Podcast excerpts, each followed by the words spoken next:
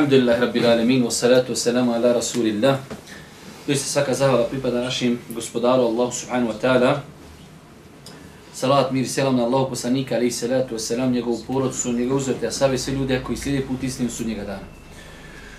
Braću moja draga, kao što znate, četvrtak u ovom periodu, terminu, od akšana do jaci, družim se u projektu kojeg smo mi nazvali Čitaona, gdje čitamo razno razne knjige već dugo vremena, čitamo knjigu 40 hadisa od imama Nevevija, komentatori Šeha Osman i Šeha Irudin. Idemo jedan hadis po jedan, možda bi se moglo i čitati više, ali lagano, ne žuri nam se išala nigdje. Večeras se družimo sa 31. hadisom, jedan izuzetno interesantan i bitan hadis za sve nas. Hadis e, od e, Sehla ibn Sada Esa'idija radijallahu ta'ala anhu se prenosi da je rekao, došao je neki čovjek Allahom poslaniku alaihi salatu wasalam i rekao, Allahu poslaniće, ukaži mi na neko dijelo koje ako budem radio, zavoljet će me Allah i zavoljet će me ljudi. Jedna interesantna konstatacija, dolazi čovjek Božijem poslaniku i kaže, ukaži mi na dijelo. Pa su ashabi znali da se ne može postići ljubav uzvišenog Allaha ili, ili čak i ljubav ljudi osim dijelima što je veliki odgovor i što je velika potreba današnjim muslimanima kada ljudi bi da zarade neke velike deređe kod Allaha subhanahu wa ta'ala bez najosnovnijih e, temelja Islama. Alikum selam. Pa ćete vidjeti da ljudi ne klanjaju, ljudi ne poste, najveće temelje Islama ne, ne drže ih se, ali očekuju tamo na ahiretu neki veliki uspjeh. Pa su ashabi, znači, imali jednostavno, hajde da kažemo, tu tu stvar toliko jasna da se ne može postići ljubav uzvišenog Allaha osim dijelima. Pa on kaže, Allahu poslanić, ukaži mi na dijelo. Ukaži mi na dijelo. Ne, mo ne može bez dijela. A -a. Ukaži mi na dijelo koje ako budem činio, volit će me Allah. A volit će me i ljudi. Pa prva korist ovdje je da se dijelima može postići ljubav uzvišenog Allaha. Druga stvar, Ljubav uzvišenog Allaha je nešto što se postiže, nešto za čim se čezne, a isto tako i ljubav ljudi. Pa bi čovjek vjernik trebao, ogledajući se u ove ashabe, da svati da je to jedan od najvećih prioriteta u životu. Da čovjek postigne ljubav uzvišenog Allaha. Jer rekli smo dosta puta kroz Hadise, ashabi su najbolja generacija i najjednostavnija generacija. U njih nije bilo plavo filozofije, ni u čemu. Čuli smo, pokorajmo se poslaniće, kaži mi šta uvodi u džennet, to, to, to, ode i neću odustati od toga. Ovaj Asaf dolazi i kaže, Allahu poslaniće, ukaži mi na dijelo koje ako budem činio, volit će me Allah i volit će me potom, potom i ljudi. Pa smo rekli da su ovo dva velika i plemenita cilja u životu mu'mina, da stremi mu'min i vjernik ka tome, ali da te voli Allah, to je nešto veliko, ogromno, čovjeka voli gospodar. Ali isto tako, vole me i ljudi. Ja sam o tome otrcu jezik govoreći, kada imamo problem da imamo skupinu naših mladinaca koji se tek ono vrate vjeri, pa u nekoj toj upali svog imana, ono kao, ne interesuje mene šta će ljudi o meni reći. Nije to, vidite ovdje, čovjek dolazi, hoće da ga ljudi voli. Nama je u interesu da te čovjek voli. Ne zato što si ti želja neće ljubav, jer kad te čovjek zavoli, tek tada može od tebe prihvatiti nešto. Nemoguće, zapamte danas veliko pravilo, nemoguće da od tebe čovjek nešto prihvati mrzite. Dok ne uđeš u njegovo srce, dok te ne zavoli, tada će od tebe nešto i prihvatiti.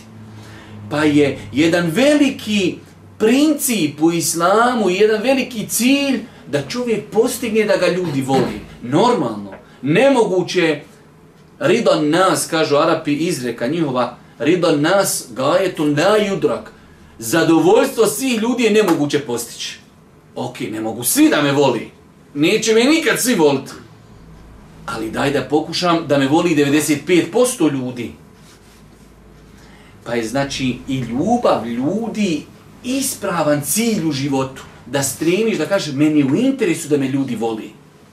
Nešto si pun egoizma, pa ono nekakav narcisoidan, ono volim ja, mene ljudi voli. Ne zbog toga, zbog islama. da prihvate od mene sutra savjet, da prihvate od mene kritiku, a to će uraditi kada me voli. Pa znači dolazi čovjek Allahom poslaniku i kaže Allahom poslaniče, ukaži mi na dijelo, ako budem to dijelo radio, da me zavoli Allah i da me zavoli ljudi.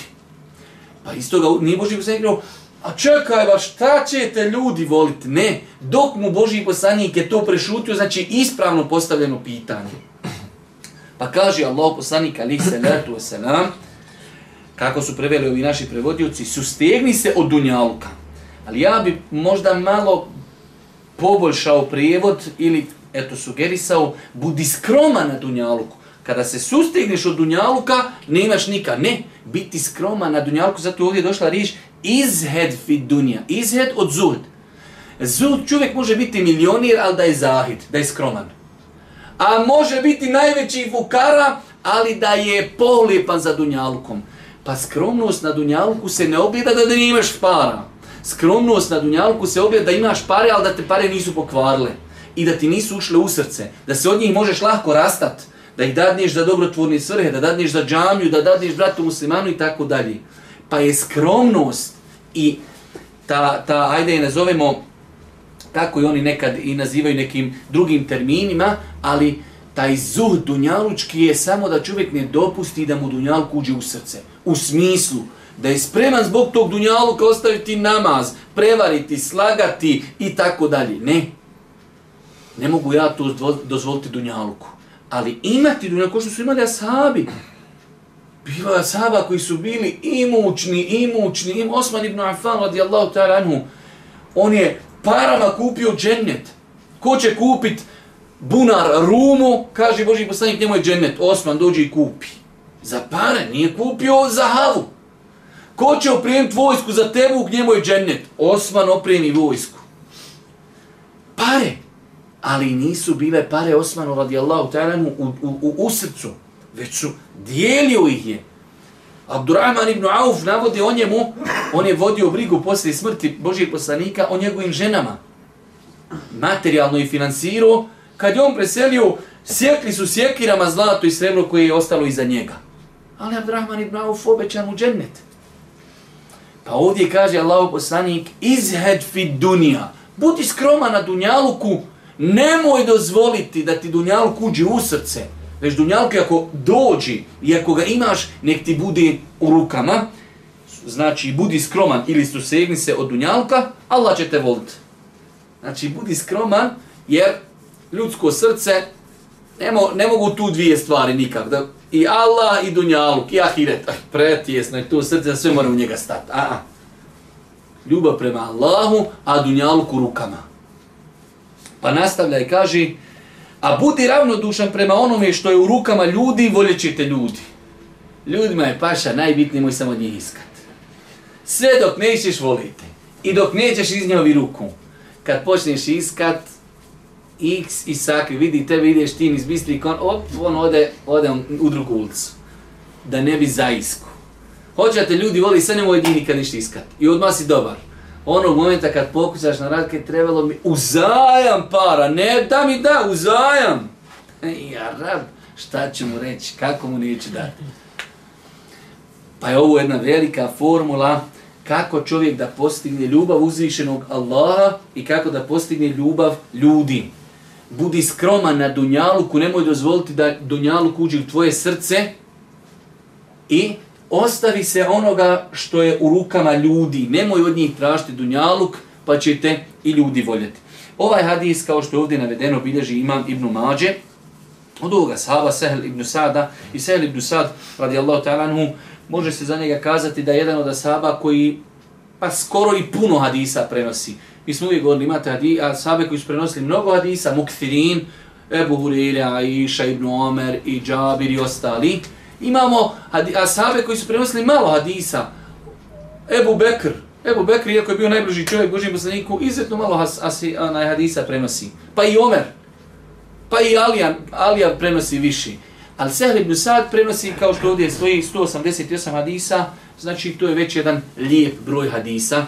Ono što je interesantno za njega znati da je živio mnogo dugo, da je živio mnogo dugo, po nekima je živio čak stotinu godina, i po velikom broju historičara umro je 91. godine u Medini i tu je bio zadnji ashab u Medini.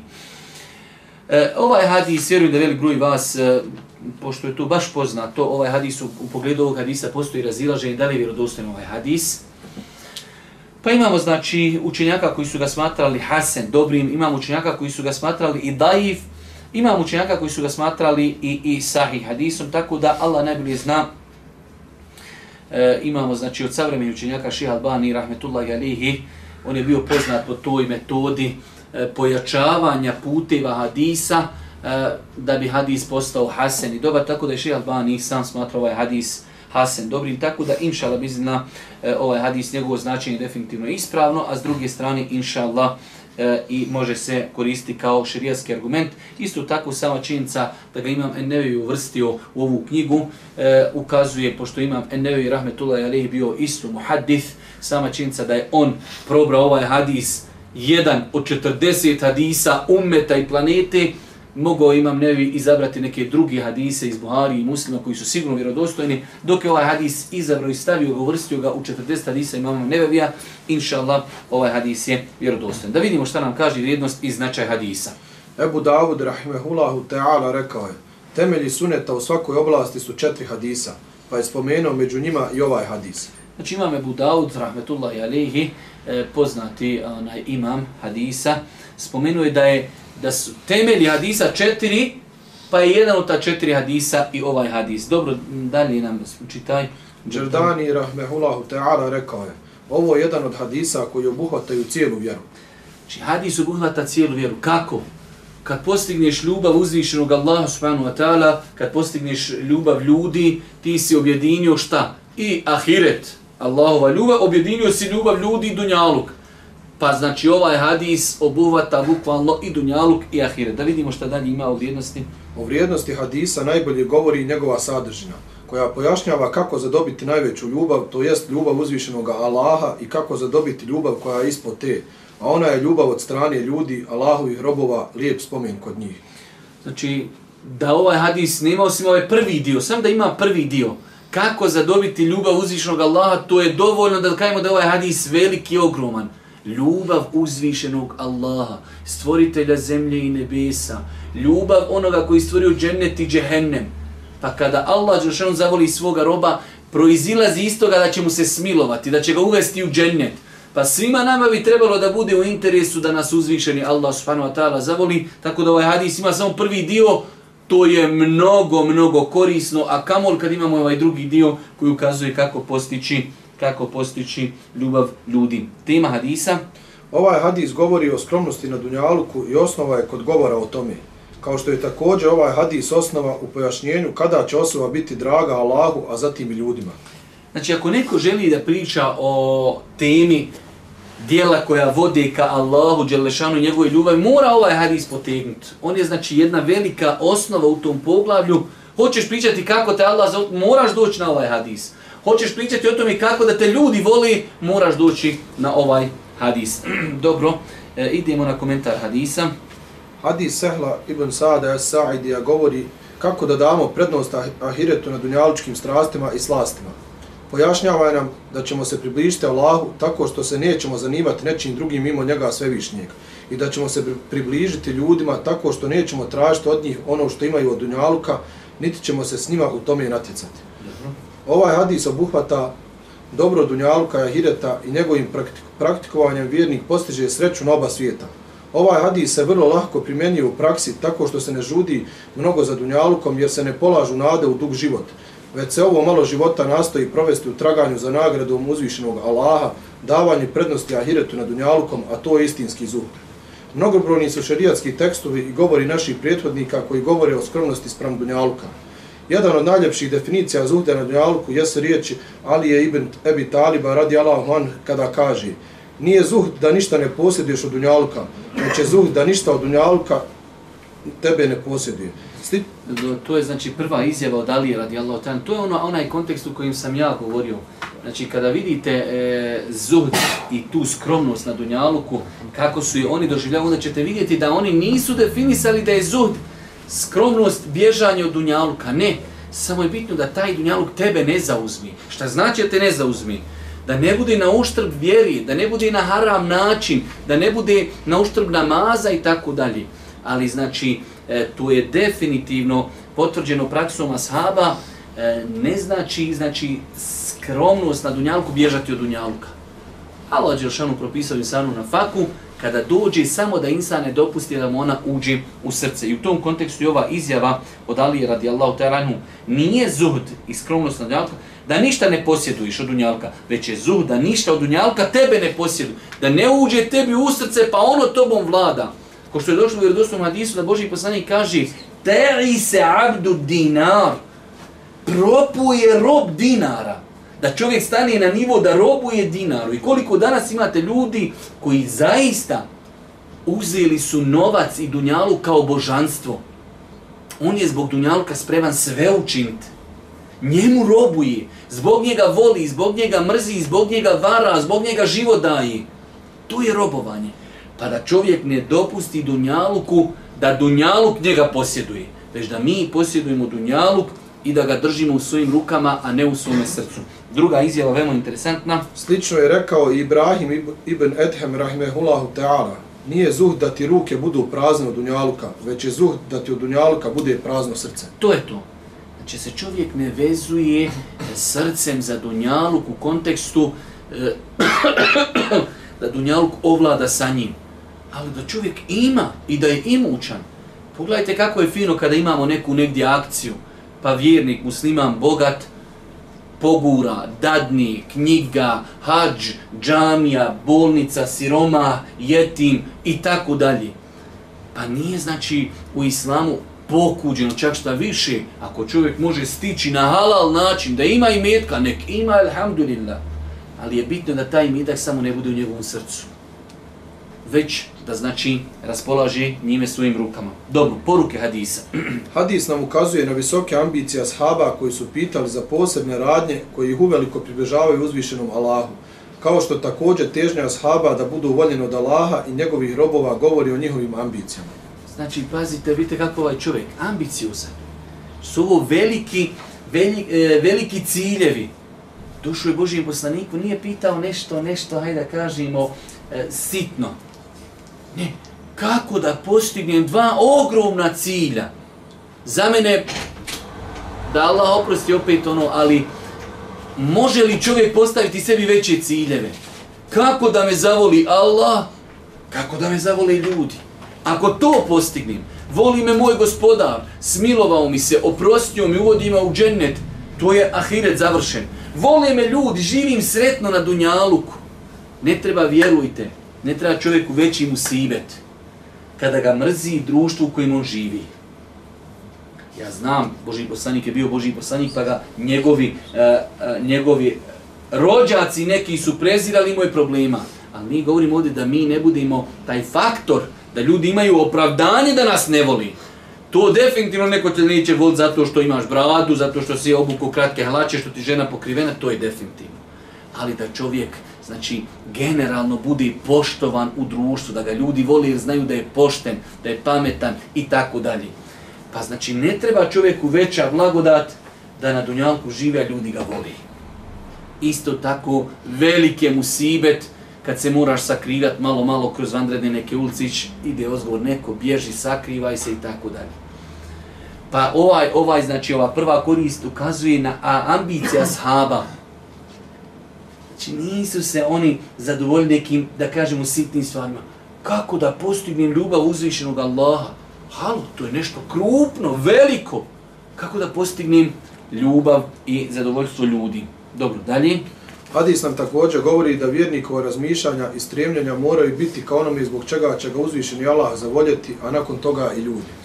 Ovo je kao jedno onaj pojašnjenje ove prve koristi. Znači da čovjek kada živi, ok, živim, ja sam električar, ova informatičar, treći je medicinar, četvrti je građevinac, ali svi mi treba da imamo zajedničku tačku. Šta je ta tačka? Da stremimo da nas Allah zavoli. Bez obzira šta ko radio, svako kroz svoj posao, svako kroz svoju struku, ovaj medicinar će pomoći nekom bolesniku da ga Allah zavoli. Ovaj informatičar će pomoći neku internet stranicu koja širi islam pa da ga Allah zavoli. Ovaj zidar će graditi džaniju pa da ga Allah zavoli. Ovaj čovjek će odgojiti dijete pa da ga Allah zavoli. Ali svi imamo zajedničku, bez obzira šta bili i kakvi bili, da imamo zajedničko stremljenje. Šta? Kako postići ljubav uzvišenog Allaha subhanahu wa ta'ala? Pa bi to trebalo da bude stremljenje mu'mina. Kako bi ja mogao naći neko dijelo? Gdje ima neka prilika?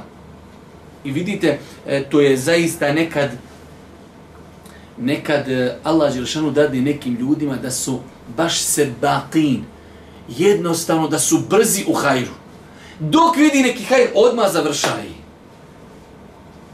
Ja sam nedavno, možda je neko i pratio, imali smo jednu akciju pa nam je nešto malo zafalo nekog novca, pa sam poslao poruku, rekao, ko je spreman, dvojica nam donatora treba po 500 eura. 500 eura, Boga mi nije lako danas dati. Znači, u istom momentu, dok sam kliknuo poruka, ošla odma poziv. Završeno jedan. Zove drugi. Dok sam ja sa njim malo razgovarao, treći kaže, poslao poruku, ne mogu da vas dobijem, šta je ovo, ja želim da učestvujem neko gotovo, završeno. Žao mi je rekao. Dok sam ja ovaj drugi razgovor, ova, to je kratko, on je da ga Allah nagradi ili ona je da je Allah nagradi, napisala SMS, ja to dajem. Rekao, gotovo, zaista. Pa znači, daj, vidio sam negdje mogućnost, idem. Ne zna čovjek doka će živjeti ne zna čovjek gdje i na koji način će zaraditi i zaslušiti Allahu milost. Vidio ste onu ženu e, u Hadisu koji je spomenuo Boži poslanik, psa napojila. Ode zbog toga oprošteni grijesi. Ne zna insan. Zato je došlo u vjerodostojnom Hadisu, džennet je nekom od vas bliži od pertni njegovi na, na, na, na, na nulama. Toliko je, ali kaži, i vatra isto tako. Ne znaš gdje možeš zaglaviti u vatru ne znaš gdje nekog možeš ucvilit, pa da čovjek ustane u zadnjoj trećini noći da dovi protiv tebe. Paša, sve naopako ide u životu. Pa insan znači treba da ima to stremljenje, da stremi ka tome kako, kako, kako da ja, da to postignem. Bez obzira u kakvoj sam struci, svako može svoju struku počiniti da ide u pravcu zadovoljstva uzvišnog Allaha subhanahu wa ta'ala. Dalje. Nije cilj da ti voliš Allaha jer to svi tvrde. Cilj je da Allah tebe voli jer je takvih veoma malo. Jasno ko dan. Mi svi kažemo mi, eh, onaj kako se zove, kako kaže, nije cilj da ti voliš, da ti voliš Allah. Svi mi kažemo volimo gospodara, ali daj da vidimo kako postići da nas Allah za, zavoli, jer mi smo potrebni njega, mi smo potrebi njegove ljubavi. Dalje. Riječ je ashaba, ukaži mi na neko djelo koje ako budem radio, zavoljet će me Allah jasno govori da se Allahova ljubav postiže dijelima, a ne kako pojedini tvrde da se to postiže srcem, pa makar se i dijela razlikovala od onoga što se priziva u srcu. To je, braćo moja draga, jedan veliki problem u umetu danas, konkretno kod nas ovdje, e, to treba liječiti, to treba ukazivati na tu stvar. Ja sam baš danas imao priliku, sjedio sam s nekim profesorom koji su došli iz Saudijske Arabije na prijemni ispit za studente, sad da vas ne tušim time, Pa me pitaju kako je bilo, kaže, stanje ovdje prije rata. Pa im ja govorim kako, kako je Allah Đelšanu dao da, da ljubav prema nekim ibadetima ostane jaka u srcima ljudi. Kod nas kurban, kurban znači, to je tako jednostavno ljudi voli kurban. To je, pa kurban je ibadet, hvala Allahu Đelešanu. Ali kod nas i onaj možda najsiromašniji on se trudi da zakolje kurban. Ali s druge strane, pogledajte, vidjeli ste kad je Ramazan, čovjek posti, ne klanja. Nelogično. Nelo, na teraviju dolazi svaku noć, ne klanja podne, ne klanja kindiju. Poslani kaže, ko ne klanja kindiju, propala smo sva djela. Ali on na teraviju, kapica, tespi, prvi. Pa insan treba u životu da pazi na redoslijed, e, E, obaveza, na redoslijed obaveza. Znači, mi imamo jedan problem da ljudi e, jednostavno, e, to je nastalo vremenom, to ne može nastati preko noći. Da su ljudi došli u ubjeđenje, dovoljno mi je ja Mujo, ja Muhammed, ja Hasan, ja Alija, ja Osman i to je to. nema odjela skoro ništa. Eto taj kurban, možda taj Ramazan, Bajram i Elhamdulillah. A sve to kad pogledaš, nijedna od tih stvari nije, nije znači ono na nivou namaza, niti zekijata, niti posta, niti hađa. Pa insan treba da zna, ako stremimo ka ljubavi uzvišnog Allaha, ona je neminovno da se postiže dijelima. Kojim dijelima? Prvo moramo početi od najbitnijih stvari, nakon toga znači e, da čovjek čini i dobrovoljne stvari. Dalje. U hadisu je potvrda osobine ljubavi uzvišenom Allahu. Allahova ljubav je istinska s tim da ne sliči ljubav njegovih stvorenja. Hadis je odgovor onima koji negiraju osobinu ljubavi. Braću me draga, znači mi, hvala Bogu, Allah nas je počastio da e, pitanjima akide pristupamo onako kako su pristupale prve generacije. Mi smo, smo prošli put ovdje govorili o tome kada dođe e, jasan tekst, kuranski ajet, hadis Božih poslanika, da Allah, e, Allah Žošanu ima ruku. Nima tu plaho filozofije. Sad mi pametniji od ashaba. Allah poslani kaže Allah Želšanu ima ruku i sad Ashabi nikad niko nije od ashaba rekao a kakva je ta ruka? Kako to da ima ruku? Pa smijemo li mi reći da Allah ima ruku da ga ne bi uporedili sa nekim njegovim stvorenjem? To je šta? Filozofija grčko-rimsko perzijska Allah najbolji zna. Ashabi Ima ruku, ima ruku, završi. Silazi u zadnjoj trećini noći, uzviše Allah na odunjačnju. Silazi, amin, ja rab se, završena stvar. Isto ovdje, uzvišen je Allah voli. A šta ta ljubav, to znači da je Allah isto stvar. Završeno. Poslanik rekao, završena stvar. Ukoliko kuranski ajeta, inna Allahe yuhibbu, Allah voli koga? Pokajnike. Savršeno. Sve što smije uzvišeni Allah sebi pripisati, smijemo mi mi sebi pripisati. Kako? Mi tu kakvog ne znamo, ali ne poredimo uzvišnog Allaha subhanahu wa ta'ala sa njegovim stvorenjima. I završena stvar. Tako da je ovaj hadis jedan od tih hadisa koji se privataju onako kako su izrečeni i idemo dalje. Jedno od najvećih dobara muslimana je u Allahovo ljubavi. Dalje. Dozvoljeno je tražiti ljubav ljudi, bili muslimani ili nevjernici.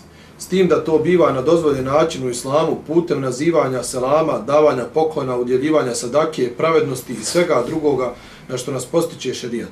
Vidite ovdje ovo interesantna stvar, e, kako ti nekad, ja sam sebi ovo ovdje baš zaokružio ovu korist, kako ti nekad ljudi učeni, školovani, kada pišu nešto, kako ti otvori oči, Mogli smo mi možda sad da smo sjedili i, i dugo mi, kao hajmo mi sad neke koristi iz ovog hadisa, da li bi nekom naumpala ova korista? Kaže Allah poslanik, e, i bit, e, a budi ravnodušan prema onome što je u rukama ljudi, voljećete ljudi. Nije rekao voljećete muslimani.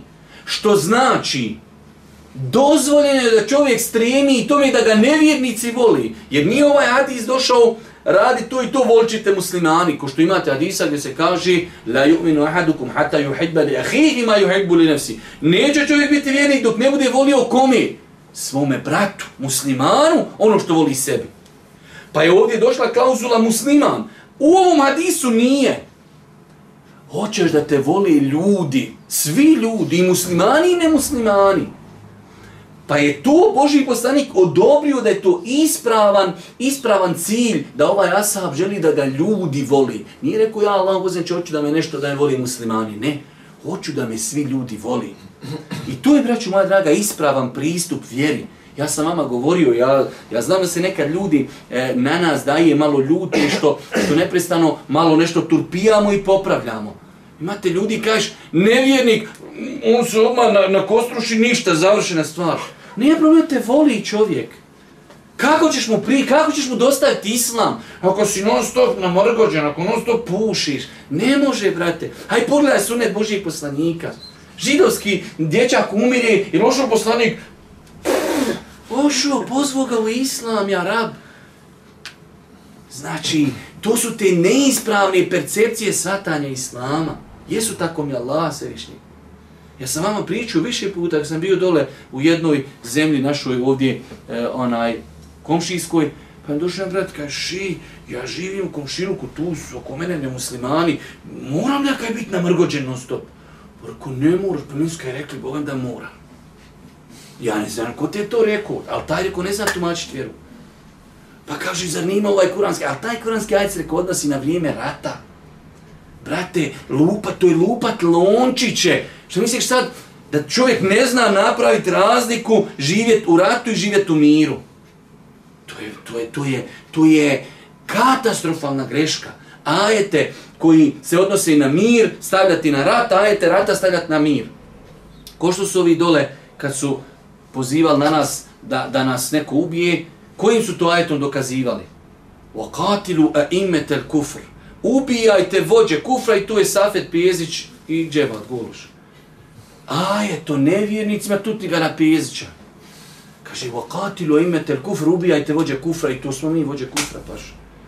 Kad, kad, kad, kad čovjek polupa lončiće, kad ne zna, znači ajeti rata su za vrijeme rata, ajeti mira su za ajete mira, hadisi mira su za vrijeme mira i tako dalje.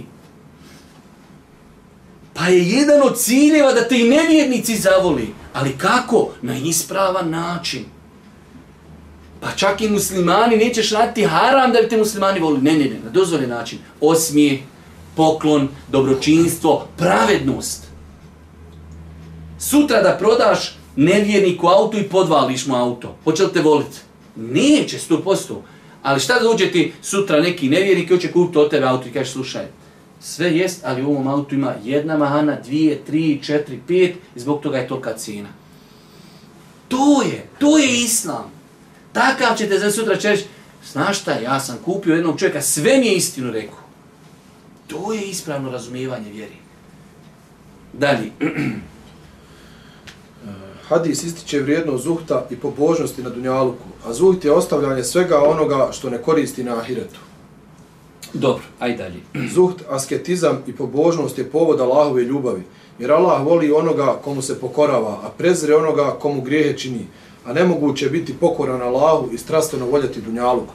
To dvoje ne može se naći kod vjernika, jer vjerovjesnik sallallahu alejhi ve sellem rekao: "Ljubav za dunjalukom osnova je svakog grijeha." Znači, ovo je opet sve u onom kontekstu, znači, samo kako se ne bi desilo da neko pogrešno shvati, da čovjek uđe ljubav u, u srce za dunjalukom, toliko da potisne ljubav prema Allahu Đelšanu. Ali da čovjek, znači, ima dunjaluk, da ne dozvoli da ga dunjaluk odvede od Allahu Đelšanu, inša u tome nema ništa loše. 11. Ko bude skroman na dunjalku, on će svoje srce vezati za Allaha, jer se srce mora za nekog vezati. Pa stoga Allah voli onoga ko je skroman na dunjalku. Jednostavna formula. Dalje, 12. Vjernikova težnja da bude voljen od strane drugih ljudi nije suprotna njegovoj težnji da bude voljen od Allaha. Jer je vjernik dobra osoba, pa je voljena i kod Allaha i kod ljudi u društvu u kojem živi. Bravo. Znači, ovo opet je jedan vid pojašnjenja da neko ne bi pomislio e, ako će me ljudi voljeti, ne mogu postići ljubav uzvišnog Allaha, pa ne. Znači, vjernik treba da bude od onih osoba koji će prvenstveno stremiti da ga voli uzvišeni Allah, ali to ne isključuje da ga voli i ljudi. Ne isključuje ako, ako radim na tome da me voli uzvišeni Allah, to ne isključuje da me voli ljudi i obrnuto. To što se trudim da me voli komšije i prijatelji i poznanici i rodbina pa na kraju krajeva i moja djeca, ne isključuje činjenicu da radim na tome da me voli i uzvišeni Allah subhanahu wa ta'ala. Tekst hadisa postiče na zuhd, to jest asketizam, po pitanju onoga što se nalazi u posjedu ljudi, jer je to razlog ljubavi ljudi prema osobi koja ne teži prema onome što se nalazi kod njih. Znači, hadis postiče, mi smo o tome govorili, hadis jasno daje do znanja e, št, e, kako, kako ferceraju ljudi i žive ljudi su takvi, svako jednostavno, ljudi idu za dunjalukom, uznoje se, napate se i ne vole ljudi da mu neko dolaži tražiti nešto dunjaluka. Pa nam ovaj hadis jasno je dao formulu kako ćeš doći do ljudskih srca. Nemoj im tražiti ono što voli. Nemoj im tražiti ono što su se napatili u pogledu toga. Jednostavno, dunjaluk velikoj većini ljudi ne dolazi lako. Čovjek se mora potruditi i onda kad se on potrudi dođe neko i kaže daj mi. Pa hoće da te taj čovjek zavoli samo što ne ovisni da si od njega. Nemoj mu nikad davati do znanja da nešto ćeš trebati od njega i on će, on će te voliti. Je li on osjeti da ti da bi nešto tijelo od njegovog dunjaluka, to će već biti druga priča. Dalje. Neovisnost od onoga što posjeduju ljudi, jedan je od povoda ljubavi ljudi, što govori o njenoj vrijednosti. Neovisnost od onoga što posjeduju ljudi. Vjerujte, braću moja draga, jedna veoma bitna stvar, da se čovjek trudi u životu da bude neovisan. Onog momenta kada si neovisan, ti ideš uzdignute glavi. dok kad je čovjek ovisan o nekome, bez obzira ko to bio, ti si uvijek u datom momentu u nekom inferiornom položaju, ovisan sam šta će on kazati, da li će mi, da li neće. Zato je došlo u hadisu Božijeg poslanika, gornja ruka je bolja od onje donje. Kaže, jer čovjek kaže kada zaišće, ili će mu dat, ili će ga odbit. A vid je to poniženja. Zato ćete vidjeti, i neki dan sam ja to i objavio, kad sam radio tamo na ovoj zbirci Nesajnu i Hadisa, pa jedno izuzetno lijepo poglavlje na kraju zbirke, od čega se sve utjecao Boži poslanik. Pa sam navio ja 60 stvari, pa sam i objavio sam e, na profilu, između ostalog, utjecu se Boži poslanik od toga da bude ovisan od ljudima, Utjecu se od toga da ljudi na njega vrše pritisak, dužan si pa čovjek, kad ćeš vratit? Što nisi vratio? To je taj znači pritisak ljudi, ovisnost od ljudima. Allahov poslanik se utjecu od toga da bude ovisan od ljudima. Pa insan u životu treba strijemiti u datom momentu ako treba i godinu, dvije, tri, četiri, pet i da zapni i da radi, ali da ima svoju samostalnost, neovisnost. Pogotovo kad je u pitanju prakticiranje vjeri. Ja znam koliko, koliko, vi znate da nas dosta ljudi kontaktiraju, koliko je problema kad čovjek živi sa svojima, ovisan je o njima. On praktikuje vjeru, oni ne praktikuju. Svadba, znate koliko puta. Babo kaj, bit će muzika. Babo haram, bit će muzika. Bit će muzika. Završeno. Paša da ti imaš svoju kuću, svoj posao, bit će muzika. Babo, neće biti muzika. Biće muzika, neće biti muzika. Završena stvar. Ali, kad valjaš kod njega, jest, on ti kupio patike, kupio ti cipele, on će ti svadbu finansirat i ti kaj, neće biti muzika. Biće. I to po mom izboru.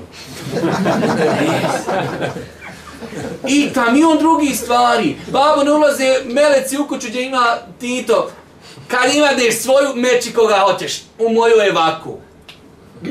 Progutaš i ideš dalje. I kamion drugi stvari. Znači, neovisnost. Moja kuća, moj rahat. To ne isključuje dobročinstvo roditeljima, pažnja roditelja, pažnja komši, ali neovisnost. Moja kuća, moja oaza, ja tu živim islam kakav ja hoću. Pa neovisnost, braćo moja draga, je jedan veoma bitan faktor u životu koji čovjek treba da postavi sebi jedan kao životni cilj. Želim da budem neovisan. Ok, pretrpit se dvije, tri godine, zapiću, radit ću, ali želim da budem neovisan. Hoću da mogu odgajati svoju djecu kako hoću. Ja znam, znate koliko imate problema? Čovjek ima ženu, djecu, djecu odgaja dedo i nene. Odmah, dok djete počne govoriti, e, deda, im kako znaš osovat? Ajde da vidimo šta. Bum, bum, još kaj, dobar, dobar si. Pa što, tvoje djete, ali šta ćeš, tu je, tako je. Ajde, jedi ti kupi duhan. Ode djete skakući dole, ode kupi duhan. Ponesi još i, i gonjaka pol litra. Češ paša, ponesi, šuti. Če ćemo noćiti? Po, po, pojatu. Šuti, kupuj, sam šuti. Kad si ovisan, kad si neovisan, paša ništa. Završena stvar. Dalje. Jedan od razloga mržnje ljudi i njihove zavisti je natjecanje sa njima u onome što posjeduju. Jest. Natjecanje s njima, odnosno traženje od njih, bolje reći ka traženje, jer natjecanje, hm, dijelimično, nije problematično. Ti se natječeš, ok, ali je problem od njih tražiti nešto, to može biti razlogom mržnje, definitivno. Stoga je neovisnost od ljudi rahatluk i smiraj za srce, put do postizanja svakog njihovog dobra i spas od svakog njihovog zla. O tome smo govorili 17. Hadis postiče i na sticanje halal obskrbe kako bi se bilo neovisno od drugih ljudi. Svakako, to je jedna samo klauzula, ako hoćemo da budemo neovisni, e, neće sad, neovi, želim da budem neovisan, pa dobro, hajde, pritrpim se dva, tri puta, ću ukrasti, to je to da budem neovisan. Ne može. Znači, želim da budem neovisan, ali na halal dopuštaj način. Pa neovisnost na halal način. 18. Hadis nam govori o stvarnosti većine ljudi, a ona je da oni strastveno vole ono što se nalazi od imetka u njihovim rukama i preziru onoga koji im traži nešto od njihovog imetka. To je jednostavno Allah poslanik ali se ratu sam koji ne govori po hiru svome, dao je diagnozu. Imate tu možda izuzetak neki ljudi koji možda kad mu i nešto zatražiš nećete zbog toga mrziti. Ali dijagnoza da generalno ljudi, i na to se odnosi u riječi Božijeg poslanika, da generalno ljudi voli nemoj iskat ništa, dobar si, jaran si. Kad počneš iskat, već si problematičan. Tako da je to generalna dijagnoza za ljude. 19. Hadis nas postiče i na požrtvovanost i zalaganje u dijelima ahireta. Definitivno. Znači da čovjek zalaže se kako da postignem ljubav uzvišnog Allaha subhanahu wa ta'ala. To je e, najveće dobro djelo koje čovjek može da postigne, pa nas hadis postiče na to. Ovaj hadis je jedan od jezgroviti vjerovjesnikovi sallallahu alaihi wa sallam hadisa definitivno, mi smo i rekli da će imam e, e Nevevi Rahmetullah Jalihi, on je to sebi zadao za cilj, da u ovoj knjizi pokušava neprestano da e, objedini je zgrovite hadise Božih poslanika, ali se letu se nam, koji imaju toliko mnogo značaja. Vi ste vidjeli da smo imali do sad i evo sljedeći hadis će nam biti samo dvije riječi, a imate u Lemiji koja piše tomove komentarišući samo dvije, tri riječi koje rekli Allah poslanik. Pa mu uzvišen je Allah subhanahu wa ta'ala kao što je došlo u hadisu, e, E, dao mu je od odlika i to da je Allah poslanik ali se ratu sam imao jezgrovitost govora. Znači kaže, kaže dvije, tri riječi, te riječi imaju toliko širi, široko značenje, pa i ovaj hadis jedan od njih, da je Allah poslanik ovom čovjeku kada je tražio, zamislite sada da nama neko dođe i kaže poslije ovo isto pitanje, a da mi ovaj hadis ne znamo. Kaže, daj šta da ja radim pa da me voli Allah, voli me ljudi pričao mu tri sati, kaže, znaš šta je, to, to je nešto, pa dođi opet sutra nešto kazati. A Boži poslanik to sve u dvije riječi završio. Pa je znači uzvišnji Allah subhanahu wa ta'ala odlikovao Boži poslanika ali se letu se nam što mu je dao jezgrovitost u govoru da je njegov govor znači bio kratak a da je nosio mnogo mnogo značenja. Molim uzvišnog Allah subhanahu wa ta'ala da ono što smo čuli bude korisno za nas. Molim subhanahu wa ta'ala da nas učine od ljudi koji će stremiti ka ljubavi uzvišnog Allah subhanahu wa ta'ala i koji će biti neovisni od ljudi. I na kraju subhanake Allahumma da bihamdike. Ešhedu en la ilaha ilan stakfiruke wa etubu ilaik.